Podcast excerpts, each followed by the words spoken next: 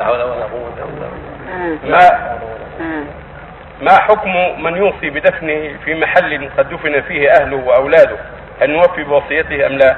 إذا أوصى بأن يدفن في مقبرة دفن فيها أقاربه لا بأس. إذا كان ما في كلفة. أما إذا كان في كلفة من النقل من بلاد إلى بلاد ما ما في حاجة. يدفن مع المسلمين في أي مكان.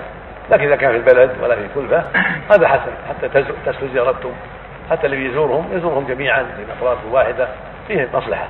لكن إذا كان في كلفة خسائر نفقة فلا حاجة إلى هذا الشيء. ولا تجب ولا يجب بهذه الوصية.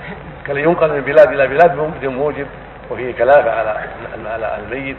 قد يكون فقير قد يكون أهله فقراء. فالحاصل أنه لا لا أصل للنقل. ولم يكن الصحابة ينقلون من بلد إلى بلد رضي الله عنهم وأرضاهم. فالأفضل عدم النقل إلا من حاجة إلا مصلحة. كالذي يموت بين الكفار ينقل يدفن بين المسلمين لا بأس. وإن نقل يدفن بين أهله.